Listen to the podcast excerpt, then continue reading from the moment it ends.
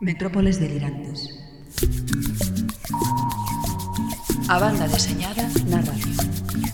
Serotonina, serotonina, serotonina, serotonina,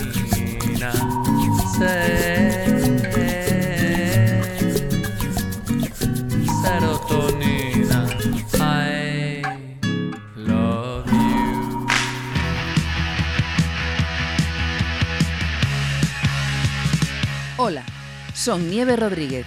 Aquí comeza a 47ª emisión das Metrópoles Delirantes.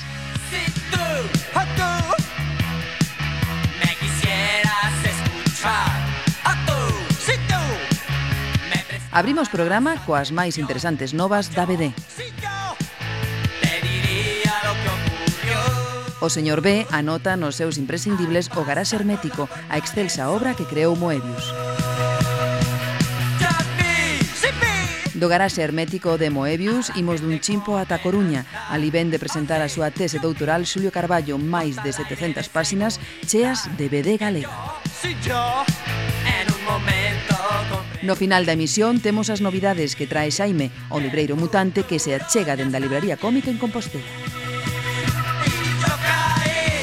O noso técnico Bruce Wayne xa ten a dorna pronta. Partimos xa.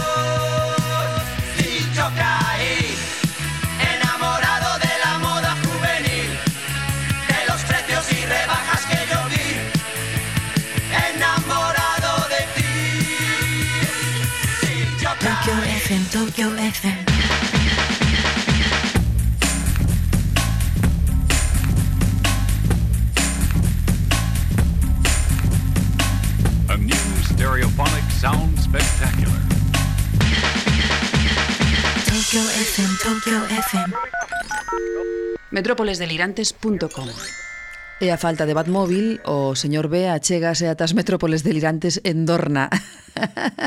boga que te boga, chegou ata aquí para comezar, como sempre, falando das novas máis interesantes. Hola, señor B. Hola. Que tal esa Dorna? Ben, eh, a B de móvil.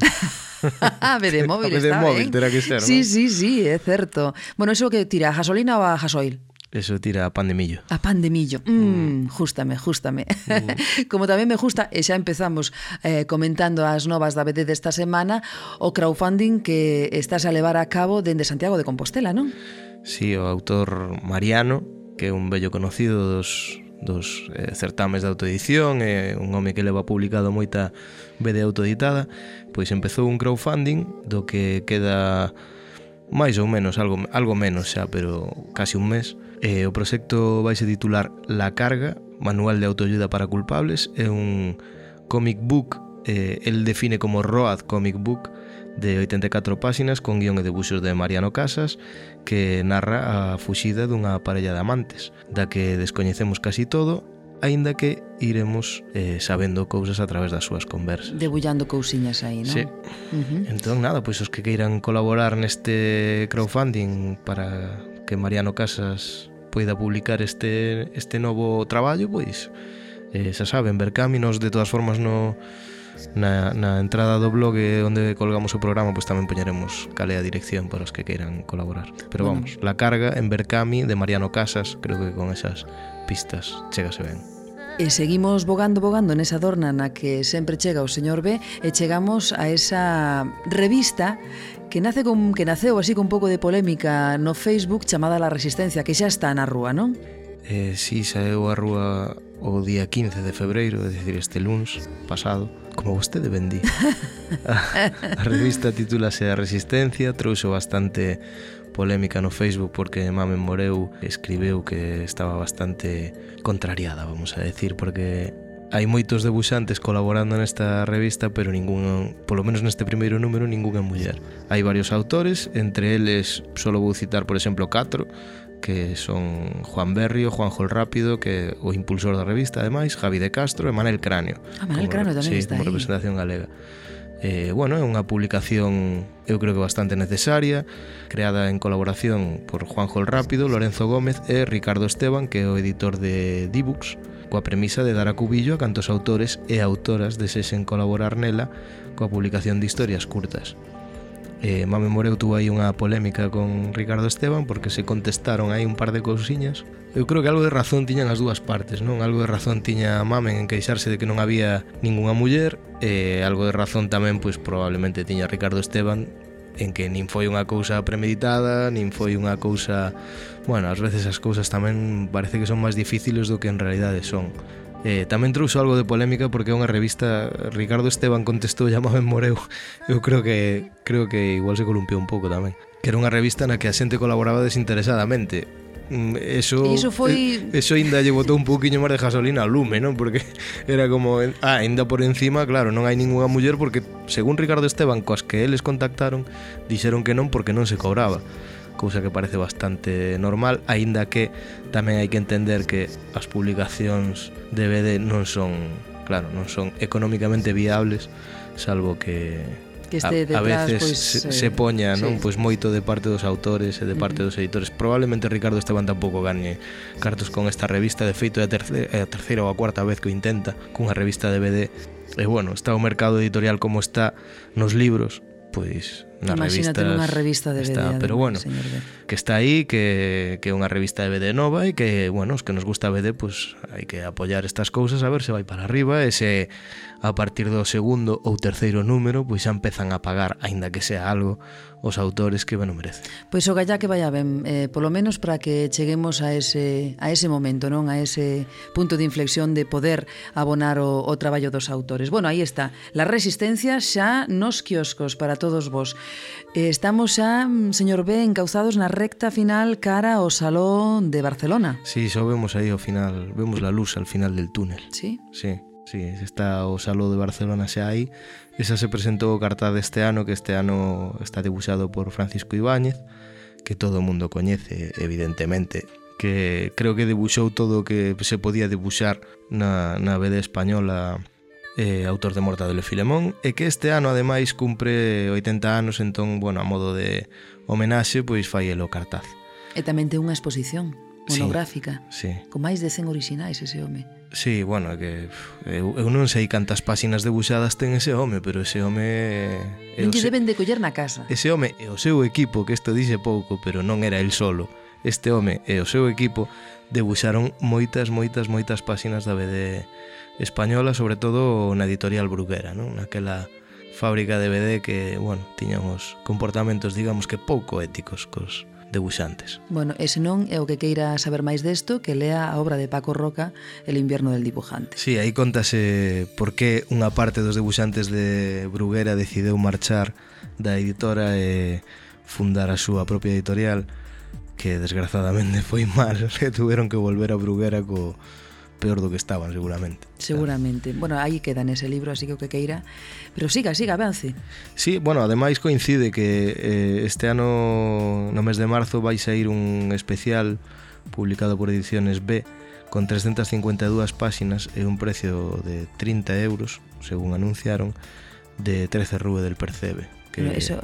se, bueno, vai ser un integral non de 13 Rúe del Percebe que a min é unha das series que máis me gusta de, de Ibáñez de Ibáñez e, e da que falaron fai pouco nun podcast moi recomendable que é Campamento Krypton que, bueno, contaron aí interioridades de 13 Rúa del Percebe. Bueno, xa para rematares, dúas novas que chegan dende Galicia, unha dende Ourense e outra dende a Coruña. Contenos, a que chega dende Ourense, a que se refire? A que chega dende Ourense é que os días 24 e 25 de febreiro terán lugar no Salón Vicente Risco da Facultade de Historia de Ourense a cuarta edición das xornadas Cuando Mario conoció a Clio, que igual non había unha forma máis estrana de chamar a isto. Nesta edición pois eh, buscarase afondar na conexión entre a historia e os diferentes medios da cultura contemporánea, como son o cine, os videoxogos, a televisión e, por suposto, a banda deseñada. Nesta parte, na parte de banda deseñada, vai haber unha serie de invitados dos que coñecemos, eu creo que, que a todos, eh, eh, pasaron todos polas metrópoles dunha forma ou de outra. Eh, a primeira convidada é Ana García, que escribe regularmente no blog das Metrópoles uns artigos maravillosos eh, vai ter unha charla que é os trazos da Primeira Guerra Mundial no cómic, conflicto, crítica social e divulgación. Eh, vai estar David Rubín falando sobre as súas obras de temática histórica. Vai estar Xulio Carballo, que é o doutor que entrevistamos neste, nesta emisión das Metrópoles, que vai falar do tardo franquismo a transición, visións e reivindicacións dos, dos pioneiros da banda deseñada galega Eh, vai estar tamén Rubén Rial, que é autor de un fanzine que se titula 1468, vai falar do seu proceso de creación, está ambientado neste ano, no 1468, o sea que é unha veda histórica. E despois vai estar tamén un bello conocido das metrópoles, David Calviño, que vai presentar unha versión resumida sobre un traballo que fixo este ano, eh, co que dou bastante vamos a decir la chapa, pero non mal, eh? o sea, eh, no, no Twitter, nas redes sociais e tal, eh, un traballo que fixo sobre a segunda revolta irmandiña na BD. O sea que, bueno, vai estar moi interesante esa, esa, est, estas xornadas non van a estar moi ben.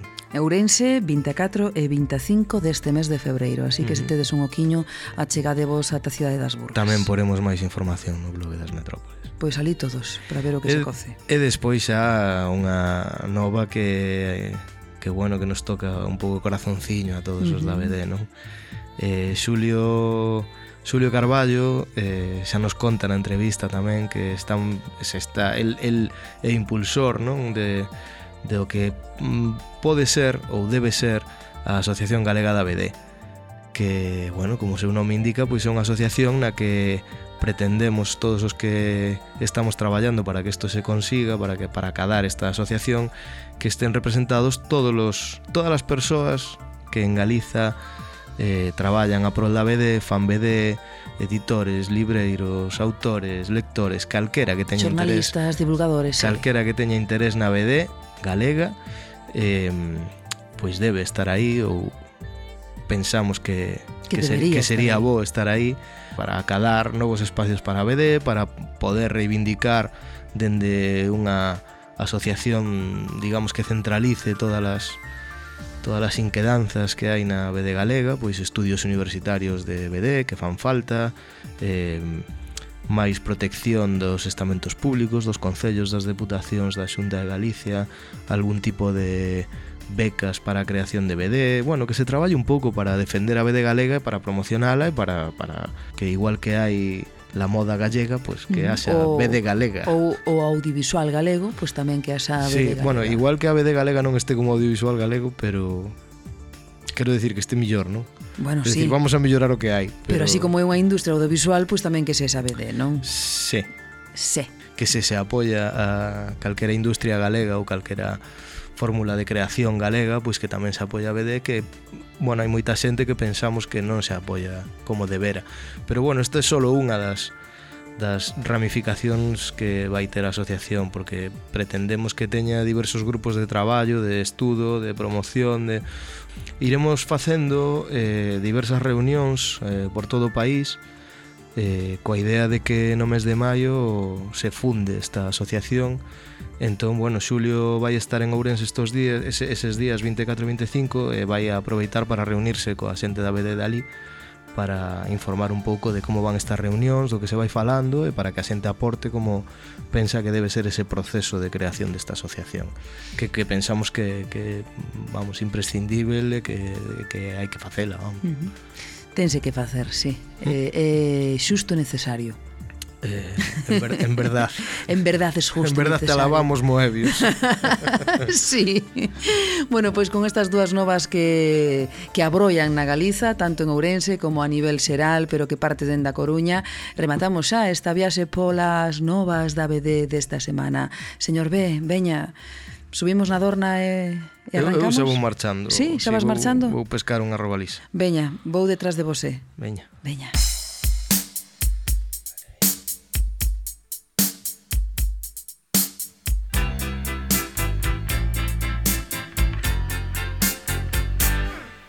come prima, più di prima, t'amerò. Per la vita, la mia vita, ti darò. Sembra un sogno rivedere e accarezzarti.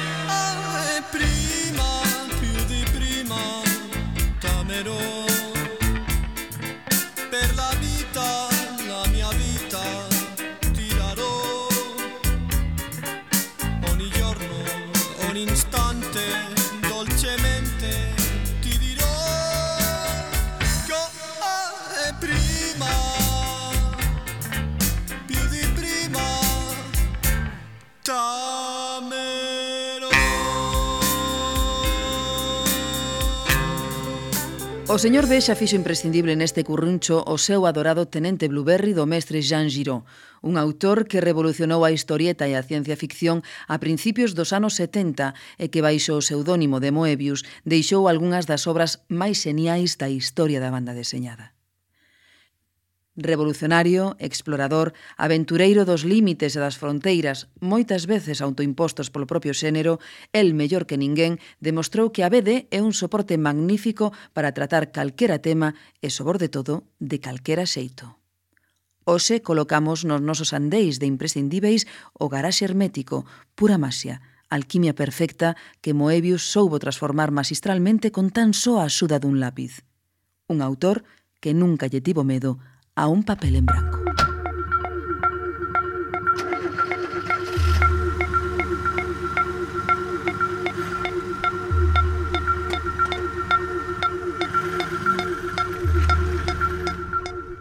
O garaxe hermético serializouse originariamente na revista Metal Hurland no ano 1979.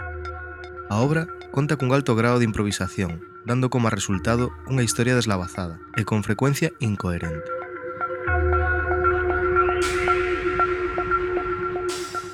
propio Moebius admitiu que cando debuxou a súa primeira páxina non tiña nin idea de por onde iba a derivar a historia. Traballaba con varias liñas que non se pechaban xa máis e con outras que ia recuperando.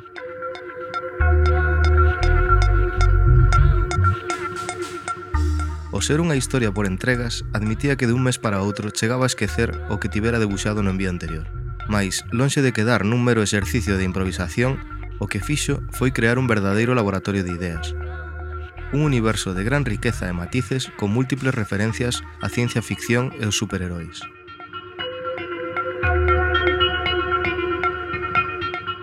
O carecer, como dicía, de guión, é complicado facer unha sinopse da obra. A acción desenrólase nun asteroide ubicado na constelación de Leo, que contén varios mundos superpostos creados polo maior Gruber, que Cornelius, antigo coñecido, e non se sabe moi ben se amigo ou enemigo, invade dun xeito peculiar.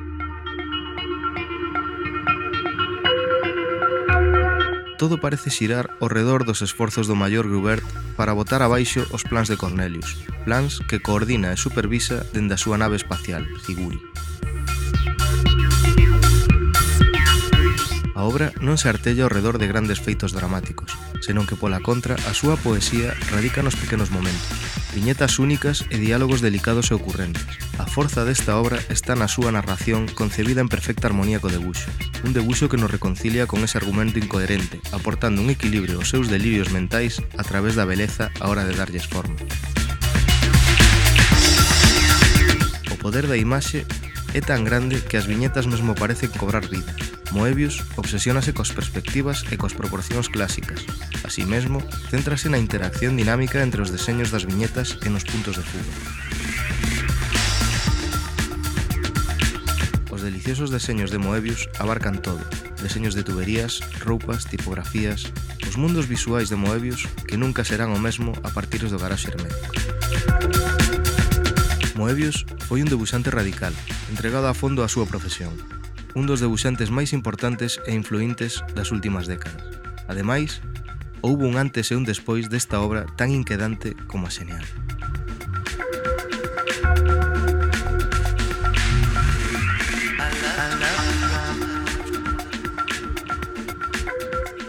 Un dos alicerces máis importantes para que a verba da BD chegue aos lectores é a difusión tanto dos medios, esas cales for, como a dos teóricos e investigadores. Por desgraza, aínda non estamos moi afeitos a que a BD sexa protagonista de estudos ao máis alto nivel. Mais xa hai, por exemplo, unha tese doutoral.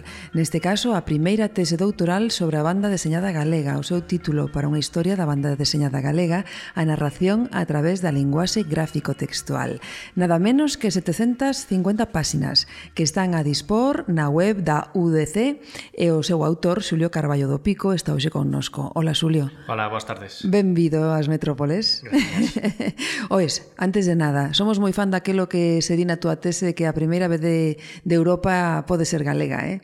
Sí. Sí? Pode ser? Pode ser. Sí?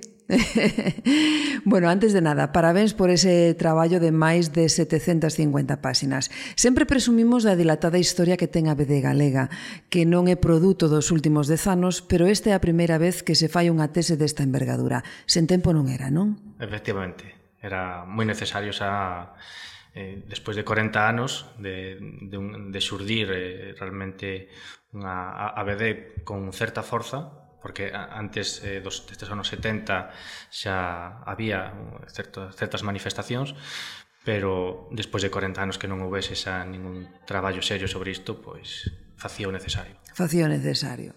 Cubrir este valero dentro do eido académico é unha débeda asaldada, pero tendo unha, tendo unha BD tan importante, que pasa coas nosas universidades? Por que non hai máis estudos sobre isto? Nova pregunta.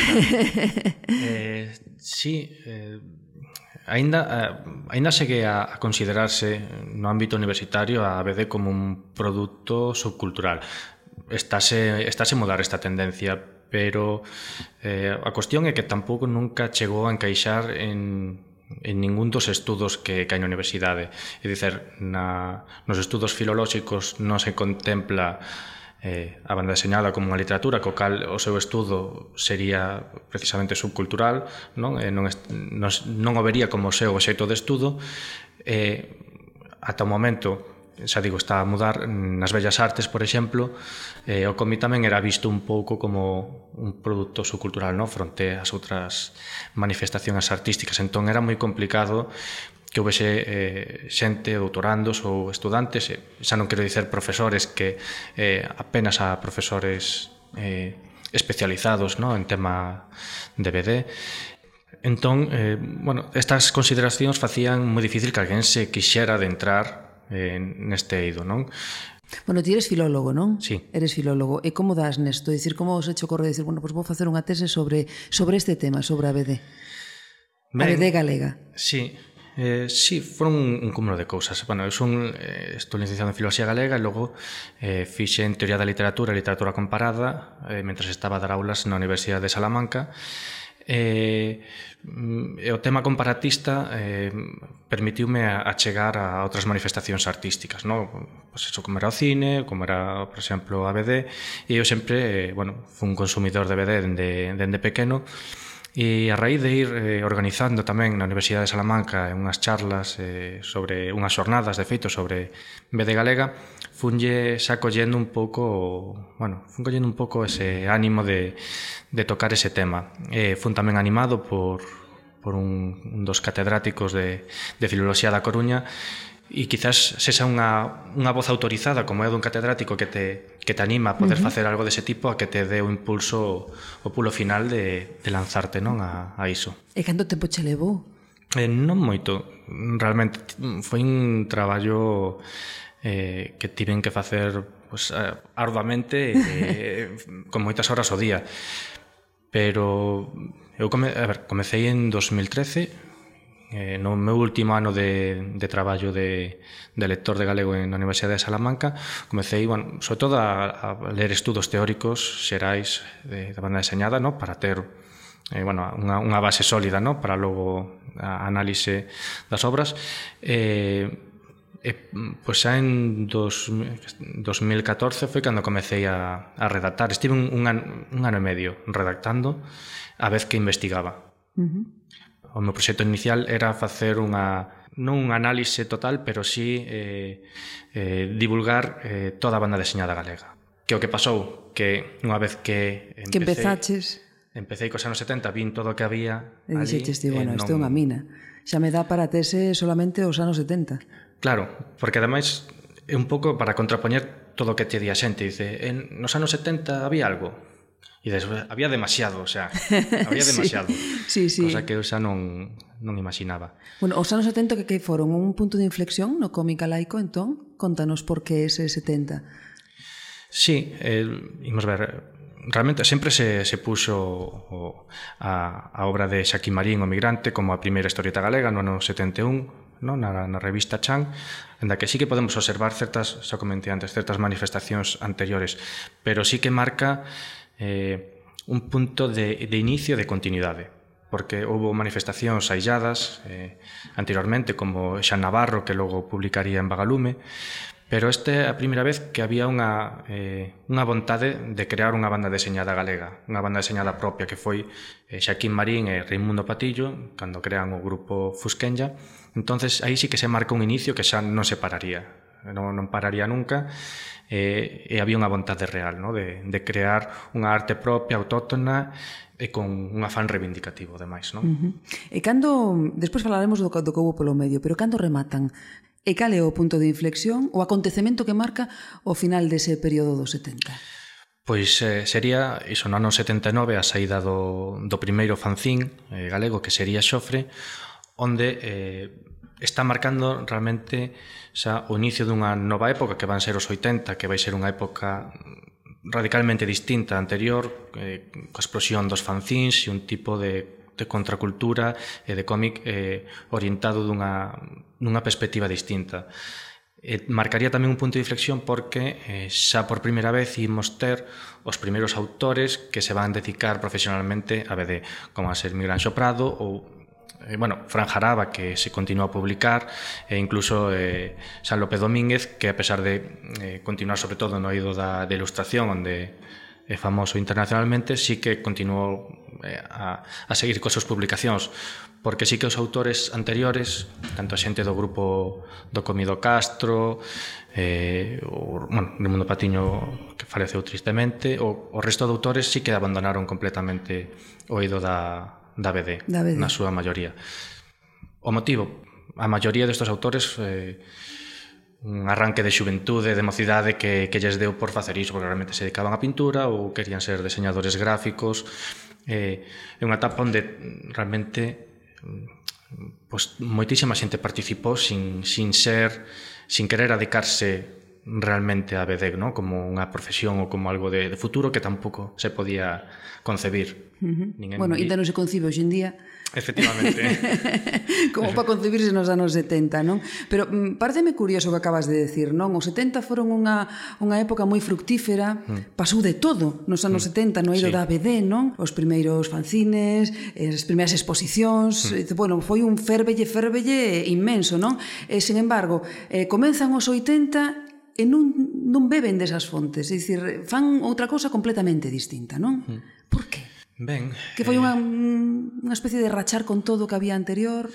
Sí, eh, eu creo que tampouco as canles de difusión que había tamén na, naquela época mudaron bastante, ¿no? Eh, que decir, saíron eso, un, un, en 10 anos, parece que non, pero bueno, un grupo de, de mozos que están a, nos 20 e que xa daquela pues, chegan aos 30 e xa digamos, son xa adultos eh, non chegaron a conectar con, con eses outros grupos porque mm, as canles de difusión creo que non eran as, as axeitadas. Entón non, non chegaron a confluir eh, dunha maneira que podemos ter agora co, cos medios de difusión que hai de internet que todo se coñece, pero eles eh, non chegaron a, a, a contactar eh, nin, nin, nin a observar a influencia de, deses autores, non? Bueno, as publicacións daquela estaban marcadas algún xento por un ton reivindicativo e ideolóxico. Cales eran as temáticas e o estilo máis habituais daquela época dos 70?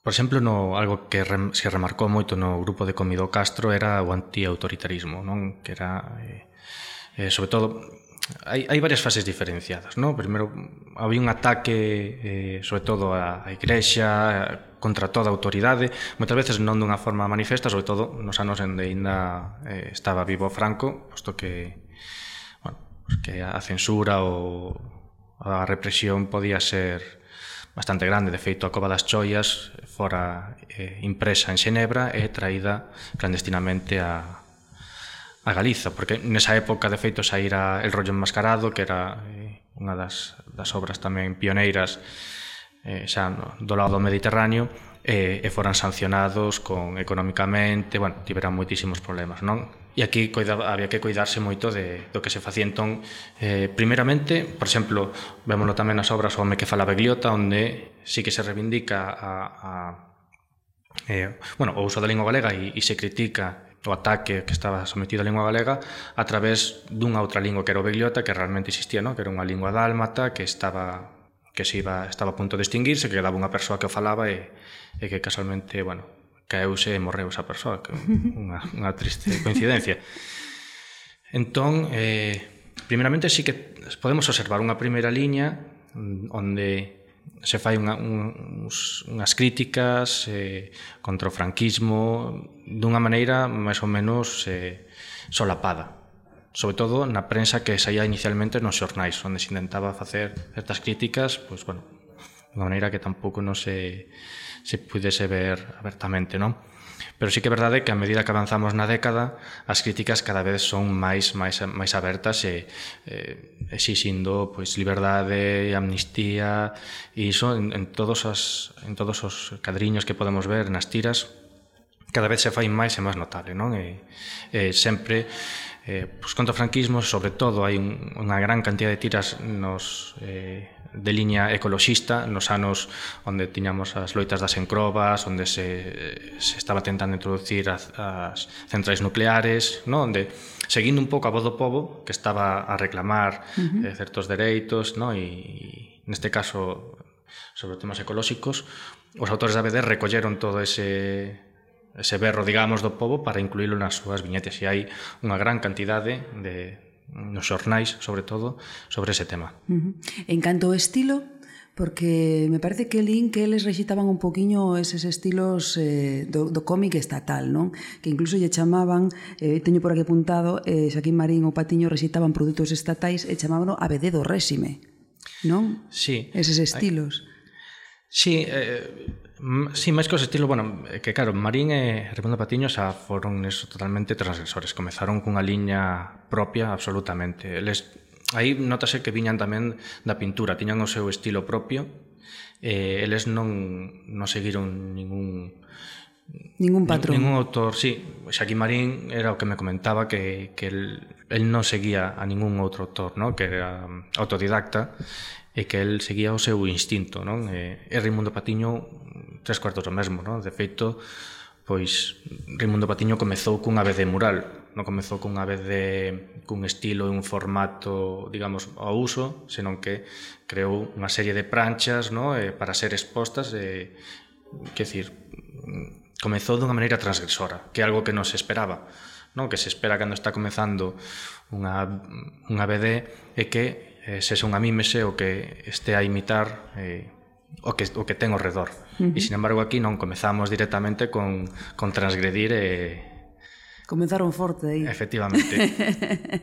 bueno, tamén é curioso, non, que Xaquín Marín, que ainda está vivo, e que está moi activo nas redes sociais, por exemplo, mm. no Facebook, amosa viñetas que pintou e que fixo nos anos 70 e que están de plena actualidade. Sí. Que parece que como que non pasou o tempo por elas e que sigue tendo esa frescura e mm. ese mensaxe totalmente actual, non?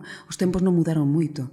Non, eh... non, non, non mudan. Eh, sí, é algo que Algo que tamén me pasaba a mí, non? Cando estaba a ollar eh, as, as obras e a, a, a recoller pues, todas as, as tiras dos, dos xornais e seguía a saber que realmente dices, está pasando outra vez eh, o mesmo, non? Continuamente. De feito, hai unha das obras eh, que trata, non, non me lembro se si era de Xaquín, agora mesmo xa teño un, un caos entre tanta, tanta obra, pero sí que hai unha, unha das obras que recolle que recolle ese proceso, ¿no? De, de viaxe no tempo onde onde se observa que a través do do paso dos anos todo sigue acabando igual, ¿no? E o, e o personaxe, eh, se si non me equivoco, acaba suicidándose ante ante ver que que pues, que en Galiza eh, pues, a, a través dos milleiros de séculos sigue pasando o mesmo. Sigue, seguimos estar na mesma situación, ¿no? E e o que se reflicte nesa, nesa historia, non lembro agora. Sí, sí, o, o e, autor. e, que, e, que, e que o que decíamos, non? que está en de plena actualidade, que sigue sempre mm. a ser a ser o mesmo. Bueno, e nos círculos culturais da época, como valoraron esta aposta? Que concepto había do cómic naquela época sendo ademais publicado en galego? Que decía a xente? Si esta xente está tola en galego, pero isto que es? Nos comezos tivo que ser algo... Agora, claro, temos unha visión distinta, pero en certa maneira.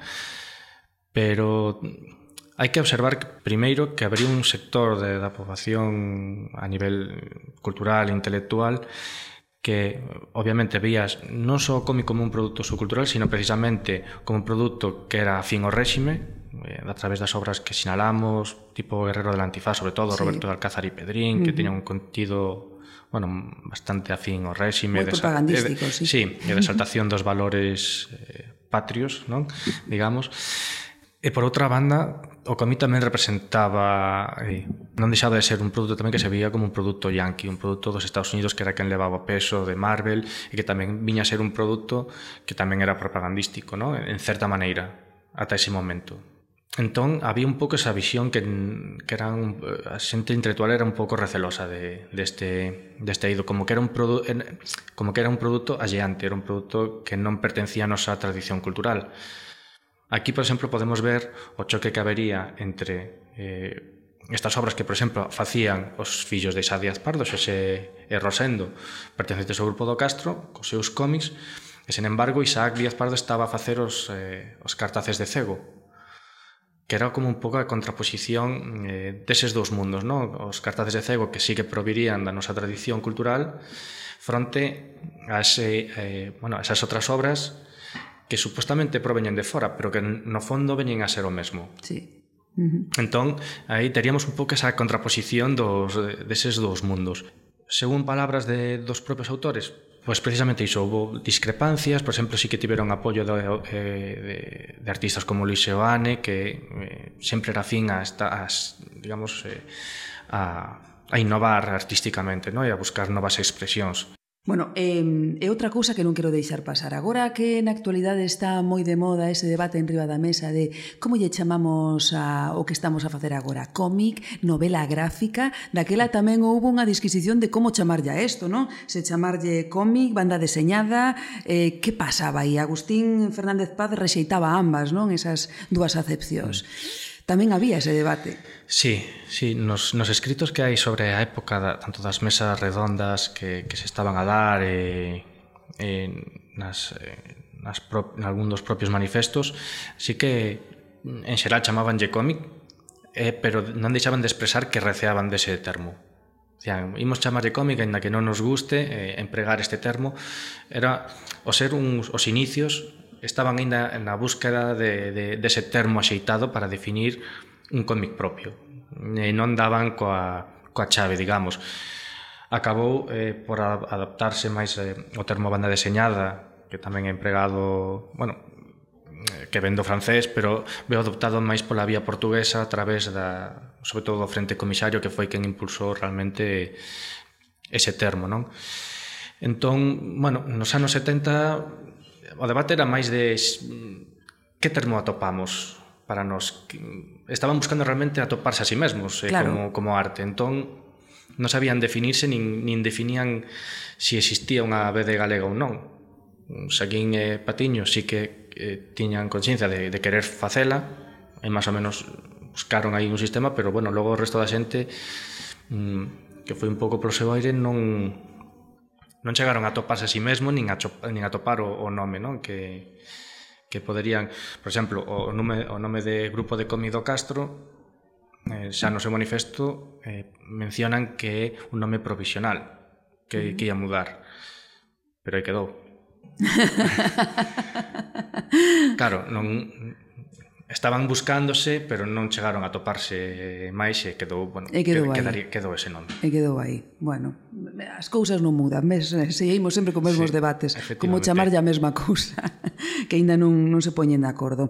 Bueno, supoño, ademais, que no tempo que te levou o traballo de campo de investigación farías descubrimentos interesantísimos. Trusiches aquí algúns que temos en riba da mesa, uh -huh. eh, pero supoño que aí que, que estarías ca boca aberta e dicir, Dios mío, que teño diante, non?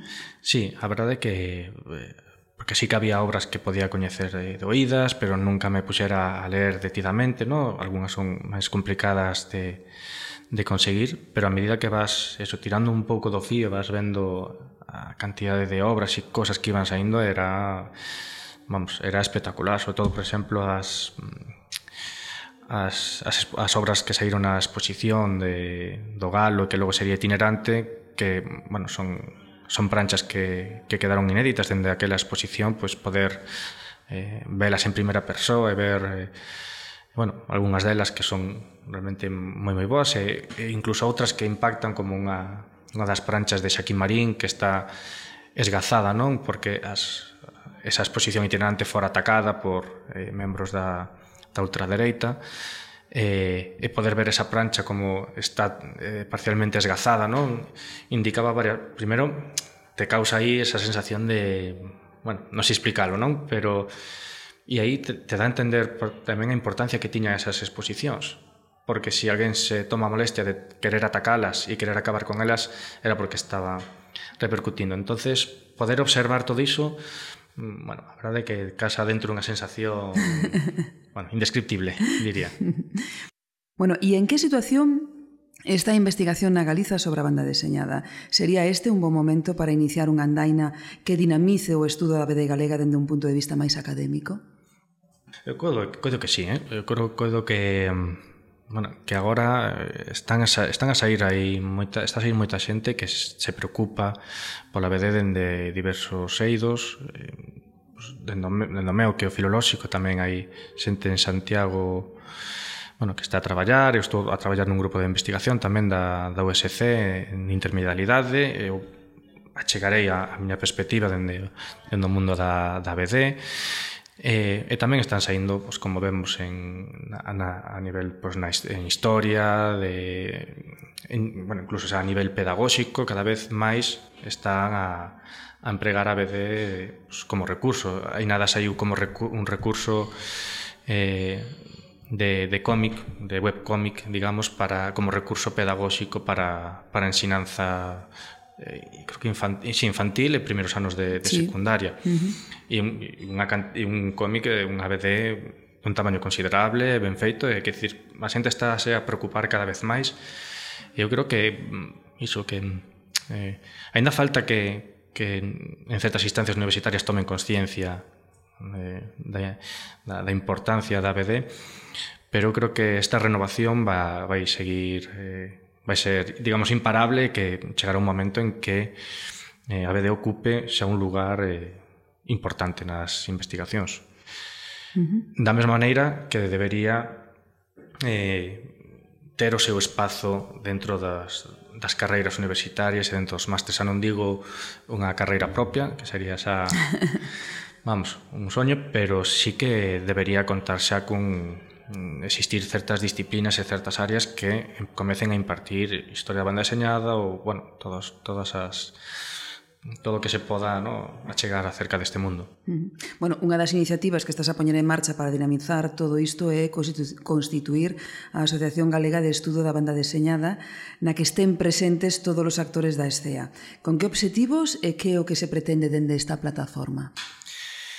Sí, ben, ao principio eh, sí que xurdiu un pouco como, como, como creación dunha asociación de estudos en banda deseñada, pero bueno, podería orientarse un pouco a, a un nivel xeral, como asociación galega de banda deseñada, que dentro, obviamente, sí que inclúa eh, uns, eh, un, unha sección adicada a estudar a banda deseñada, eh, e precisamente o, o que se pretende un pouco é, eh, primeiro, a, aglutinar a diversos sectores eh, da banda deseñada, non só pois, só autores, tanto ilustradores como guionistas, eh, os editores, libreiros, eh, bueno, xente afín, os consumidores, no? os, os lectores, eh, toda a xente que está interesada eh, neste, neste mundo para poder xuntarnos e eh, poder organizar máis cosas, no? poder expandir eh, o universo da, da banda deseñada.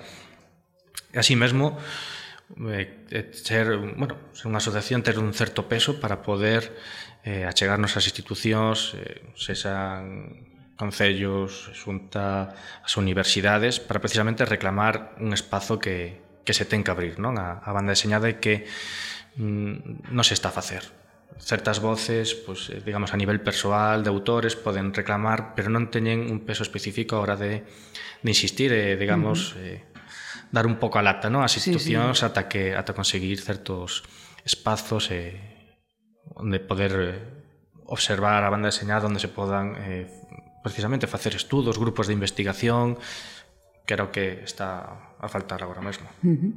Bueno, pois o único que che teño que decir é que, para cando unha versión máis reducida da túa tese, porque isto para levar no autobús lendo é un poquinho difícil, eh? Pois as cousas sí. que contas aí son moi interesantes. Sí, entón... pesa, pesa bastante, cando teño que sí. transportar eh, sufro, sufro, sí. sufro un pouco. Eh, agardo que en breve, agardo sí, que, ¿no? que este ano saia veremos como, como vai o asunto, pero agardo que xa saia un libriño publicado sobre isto xa con bastante reducción xa pola miña, pola miña banda e, e que sexa máis máis transportable. Xulio, moitísimas gracias. Grazas a vos. Grazas por este traballo e grazas por estar con nos. Moitas gracias. Un placer. Igualmente. Soñamos con vacas, soñamos con en garaxes herméticos, en garaxes herméticos, en garaxes herméticos delirante. E como sempre, no final do programa temos o noso libreiro para que nos recomende as novidades máis alientables. Desta volta temos o noso excelso e ínclito eh, Xaime da librería. É, é maravilloso. É maravilloso. Jo, gracias, graciñas, chicos. Javier Cra... No, decía Joaquín Sabina. Sí, sí, sí, sí, sí. Decía así, ¿no? En la mandrágora. Bueno, pues temos aquí a a Xaime da Librería Cómic de Santiago de Compostela. Hola, Xaime. Moi boas, delirantes, que tal moi estades? Moi boas, moi ben, e ti que tal andas? Pois pues moi ben. Bueno, xa se che ve que estás aí ben, sí, ben, ben. Bueno. Home, sempre on fire. pois on fire, contanos as novidades que traes desta volta. Pois destas últimas semanas, as cousas así que, mm, que me molaría salientar, pois a primeira unha cousa eh, que se chama Bopi Amigos, mm. o número cuarto dun fanzine que realiza a Compostela Roberta Vázquez, que non é porque sexa amiga das metrópoles, non é porque sexa amiga de cómic, eh, pero non é porque sexa de Compostela, pero é unha autoraza como a copa dun pino. Entón, este fanzine que ela autodita, seguen, bueno, nel seguen as aventuras de dos animais antropomórficos pois pues, bastante realistas que meten as súas historias. Entón, bueno, é un pouco xénero así underground, pois pues, moi divertido. E, e iso, hai, hai moi pouquiño acaba de sacar este cuarto número. Aí estamos, Roberta Vázquez. E acaba Vázquez. de sacar con fosfatina un split Sí, que temos unhas ganas de sí, ver iso. ¿no? Sí, sí, ten moi boa pinta. Uh -huh. Pois pues aí está, Roberta Vázquez. Eh, logo de, de segunda recomendación esta semana gustaríame falar dun cómic infantil, pocas veces o mellor tratamos o, o TV infantil, e este pois é un dos super bestsellers, eh, titúlase Super Patata, acaba de sacar o bueno, acaba de sair do prelo o seu quinto número, é obra do autor catalán Artur La Perla, e está editado por Bang dentro da súa colección Mamut. E bueno, eh, como vos podedes imaginar polo título, trata das aventuras dun superheroe que convertido nun tubérculo pero que o ser unha pataca mantén os seus superpoderes, entón é super patata. E bueno, unha recomendación para os máis cativos e cativas, é unha obra realmente moi divertida. Bueno, pois aí está esa recomendación que sempre ve moi ben porque ao mellor os pais ás veces non saben non que mercarlle mm. os, mm. os fillos saíndose dese circuito xa tradicional do libro ilustrado, non que se esa máis cómic, máis tebeo. Que, que lle pasa aos autores de BD con coas hortalizas, hai super patata, Capitán Pepinillo, que sí, coño pasa? bueno, aquí? son É como a, a escatoloxía está sempre presente en moitos destos teos infantiles, pero bueno, son as cousas que venden a cando tes seis anos. Sí, sí, sí, decía outro día o amigo Javi da Gatatola que os rapaces, a mente dos rapaces vai a outro ritmo sí. e asimila cousas que mellor os, os, os máis grandiños non asimilamos, non? Por exemplo, os títeres. Sí, é verdade, os títeres, sí. é certo. Sí, que os rapaces asimilanos ben, entenden o que é ficción, o que non, os maiores igual lles costa máis. Sí, sí bueno, porque... Bastante, bastante máis. Os maiores temos máis máis restriccións nas nosas mentes, Sobre non estamos, sí, señor. Bueno, e despois deste super patata... Pois vou cambiar completamente de, de onda, eh, voume a un antagónico como sería eh, Benjamin Marra. Benjamin Marra, recordades, eh, este tipo pois super macarrilla que que descubrimos hai relativamente pouco no, na nosa terra, gracias aos, aos colegas de Outsider, que tamén acaban de sacar dúas novidades del, entre elas eh, pois alientamos Acero e Láser. Acero e Láser ten un formato eh, bueno, como un poquinho máis grande que, que unha grapa, e tamén outra vez os excesos de marra, esta vez contándonos as aventuras de dous irmáns que son pois cazadores galácticos de pragas, por así dicilo, un é unha especie de trasunto de Conan, unha especie de, de mestre bárbaro da, da espada, que non fala en todo o cómic, e o seu irmán é unha especie de, de superespía que ten un láser hiperpoderoso. Entón, bueno, xa tamén vos podes, podes intuir por onde van os tiros. Eh, exceso e, e diversión, e, como diría David Rubin, pois eh, un fiera brava total, o señor Marra. E, eh, e nada, esta sería a terceira das, das recomendacións e as dúas últimas Pois son dúas obras que teñen, eu creo que, bueno, dentro de do meu esquema mental eh, extraño, pois teñen moito en común, porque son dúas eh, obras que veñen de, de Francia, eh, e son responsabilidade de dous autores moi semellantes entre si. Sí. Son dous tipos que, que rondan os 50 xa, que teñen unha carreira pois moi xa bastante extensa, pero tamén moi libre, e que os dous comparten, eu creo que dúas características principais, que son eh, ser un superdotados para o debuxo, e logo ter unha maneira de narrar pois moi persoal que se, que se achega moito pois o onírico, o surrealista, que desafía as leis tradicionais o, o canon narrativo tradicional, e, e que tanto un autor como outro teñen normalmente eh, as súas obras moito humor e, e moita poesía. Un, un certo ton poético así, eh, iso, surrealista, que, que a min pues, gustame moitísimo. Estos dous autores son eh, Nicolás de Cresí e, eh, e Bluch. Eh, pois do primeiro acaba de publicar Ponedmon La República de la Lucha, eh, que, bueno, a min, como, como prácticamente todo que fixo este, este tipo, encantoume. Eh, repito, non é algo mellor para todos os públicos. É un, eu creo que son autores que hai que, que, hai que lelos pois, sempre suizos, e, eh, eh, bastante, bueno, coa mente bastante aberta. Eh, no caso da República da Lucha é un encargo que lle fixo pois unha editora xaponesa a Cresí para facer un, un, unha BD europea estilo manga. Uh -huh. Entón, bueno, eh, contanos a historia dun, dun triste vendedor de pianos que, que ve que seu mundo se, se ven abaixo e, e descubre a salvación nos personaxes pois, iso, oníricos ou ou surrealistas. E, e bueno, e no caso de Bluch, que sería o, o autor do que vos falaba, temos La Luna al revés, que é un, xa un formato álbum europeo en, en cartoné, está editado por Norma, e, e aquí o que nos conta pois é, é nun futuro pois imaginemos que a economía mundial depende da creación dun, dun TVO único, entón imos seguir un pouco a, pois bueno, o proceso creativo que ten o autor ou a autora de, desta obra. E, bueno, como vos digo, estas dúas últimas obras son, son iso, son moi surrealistas, pero creo que moi interesantes. Uh -huh. Bueno, disti, hai que lelos ca, ca mente un poquinho aberta, entón o mellor era mellor darlle os rapaces que seguramente iban entender mellor. Pois, pois sí, a verdade é que... Porque os máis maiores ás veces buscamoslle cousas onde non as hai, non? Home, eu, eu creo que das quitando Super Patata, o mellor o resto das obras que, que subliñamos hoxe, pois podía vir a Fiscalía aquí, na, Entón, Sí, sí, non? son, entón son boas. Sí, seguramente. Son, son tempos tristes, moi tristes para a liberdade de expresión e por iso agradecemos que, que bueno, que autores como Bluch o como Roberta o como Nicolás de Cresí o como Benjamín Marra. Bueno, a, Marra seguro que metían na cadea. Ah, por suposto, apoloxía de todo, o sea, de todo. De, vostede un completo aquí. O sea. Sí, sí, sí, sí, sí, vamos, home. E, e non votaría cinco días no cárcere, votaría Dios mío de mi vida. Pero bueno, é o que diste, non agradecemos moito aos autores e a xente que traballa a prol da liberdade de expresión e de que non se amilanan a hora de enfrontar unha obra. A min estes estes días con toda con toda esta pan, pantomima, por así dicirlo, de mm. dos títulos títeres, eh, os monicreques, eh, bueno, eh, eh, o que se quere dicir, o que non se quere dicir, a realidade de ficción. Eh, resultame curioso lembrar en, un pouco, hai pouco máis dun ano cando cando foi o, o ataque a, a Charlie Hebdo, que en ese momento todo o mundo eran firmes defensores da liberdade de expresión, sí. eh, en fin, En fin. Sí. non dicimos máis porque xa... Onde está aquelo? Sí, de, sí, on, onde, onde quedou aquelo, non? Menos mal que nos quedan as metrópoles, que senón... Efectivamente. Sí. Bueno, calquer día, calquer día chapan. aparecen aquí uns, uns geos e levanos presos. Bueno. Nin tanto, nin tanto. Bueno, bueno. bueno Xaime, Moitísimas grazas. Moitísimas grazas a vos. Moi eh, agradecidos. E que teñas unha moi boa semana. Efectivamente, igualmente para vos. Eh. Graciñas. Gracias. Chiamos en arroba metrópoles de... Me echaron droga. Delirante. En el colacao. Rematamos esta emisión na que o señor B fixo imprescindível o garaxe hermético, unha obra que divide a historia da BD en antes e despois dela. Unha obra tan excelsa como o seu autor, un dos mellores da historia, Moebius. Falamos da riqueza que temos neste país no eido da BD con Xulio Carballo, un doutor que estudou a BD galega dos 70 para escribir unha tese que reivindica a importancia daqueles tempos dos que agora abrollan os froitos.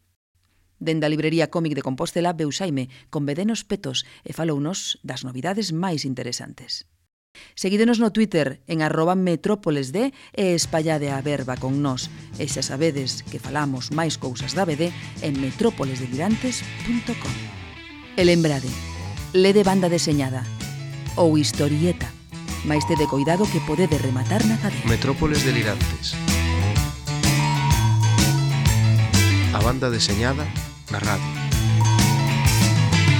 No pienses que estoy muy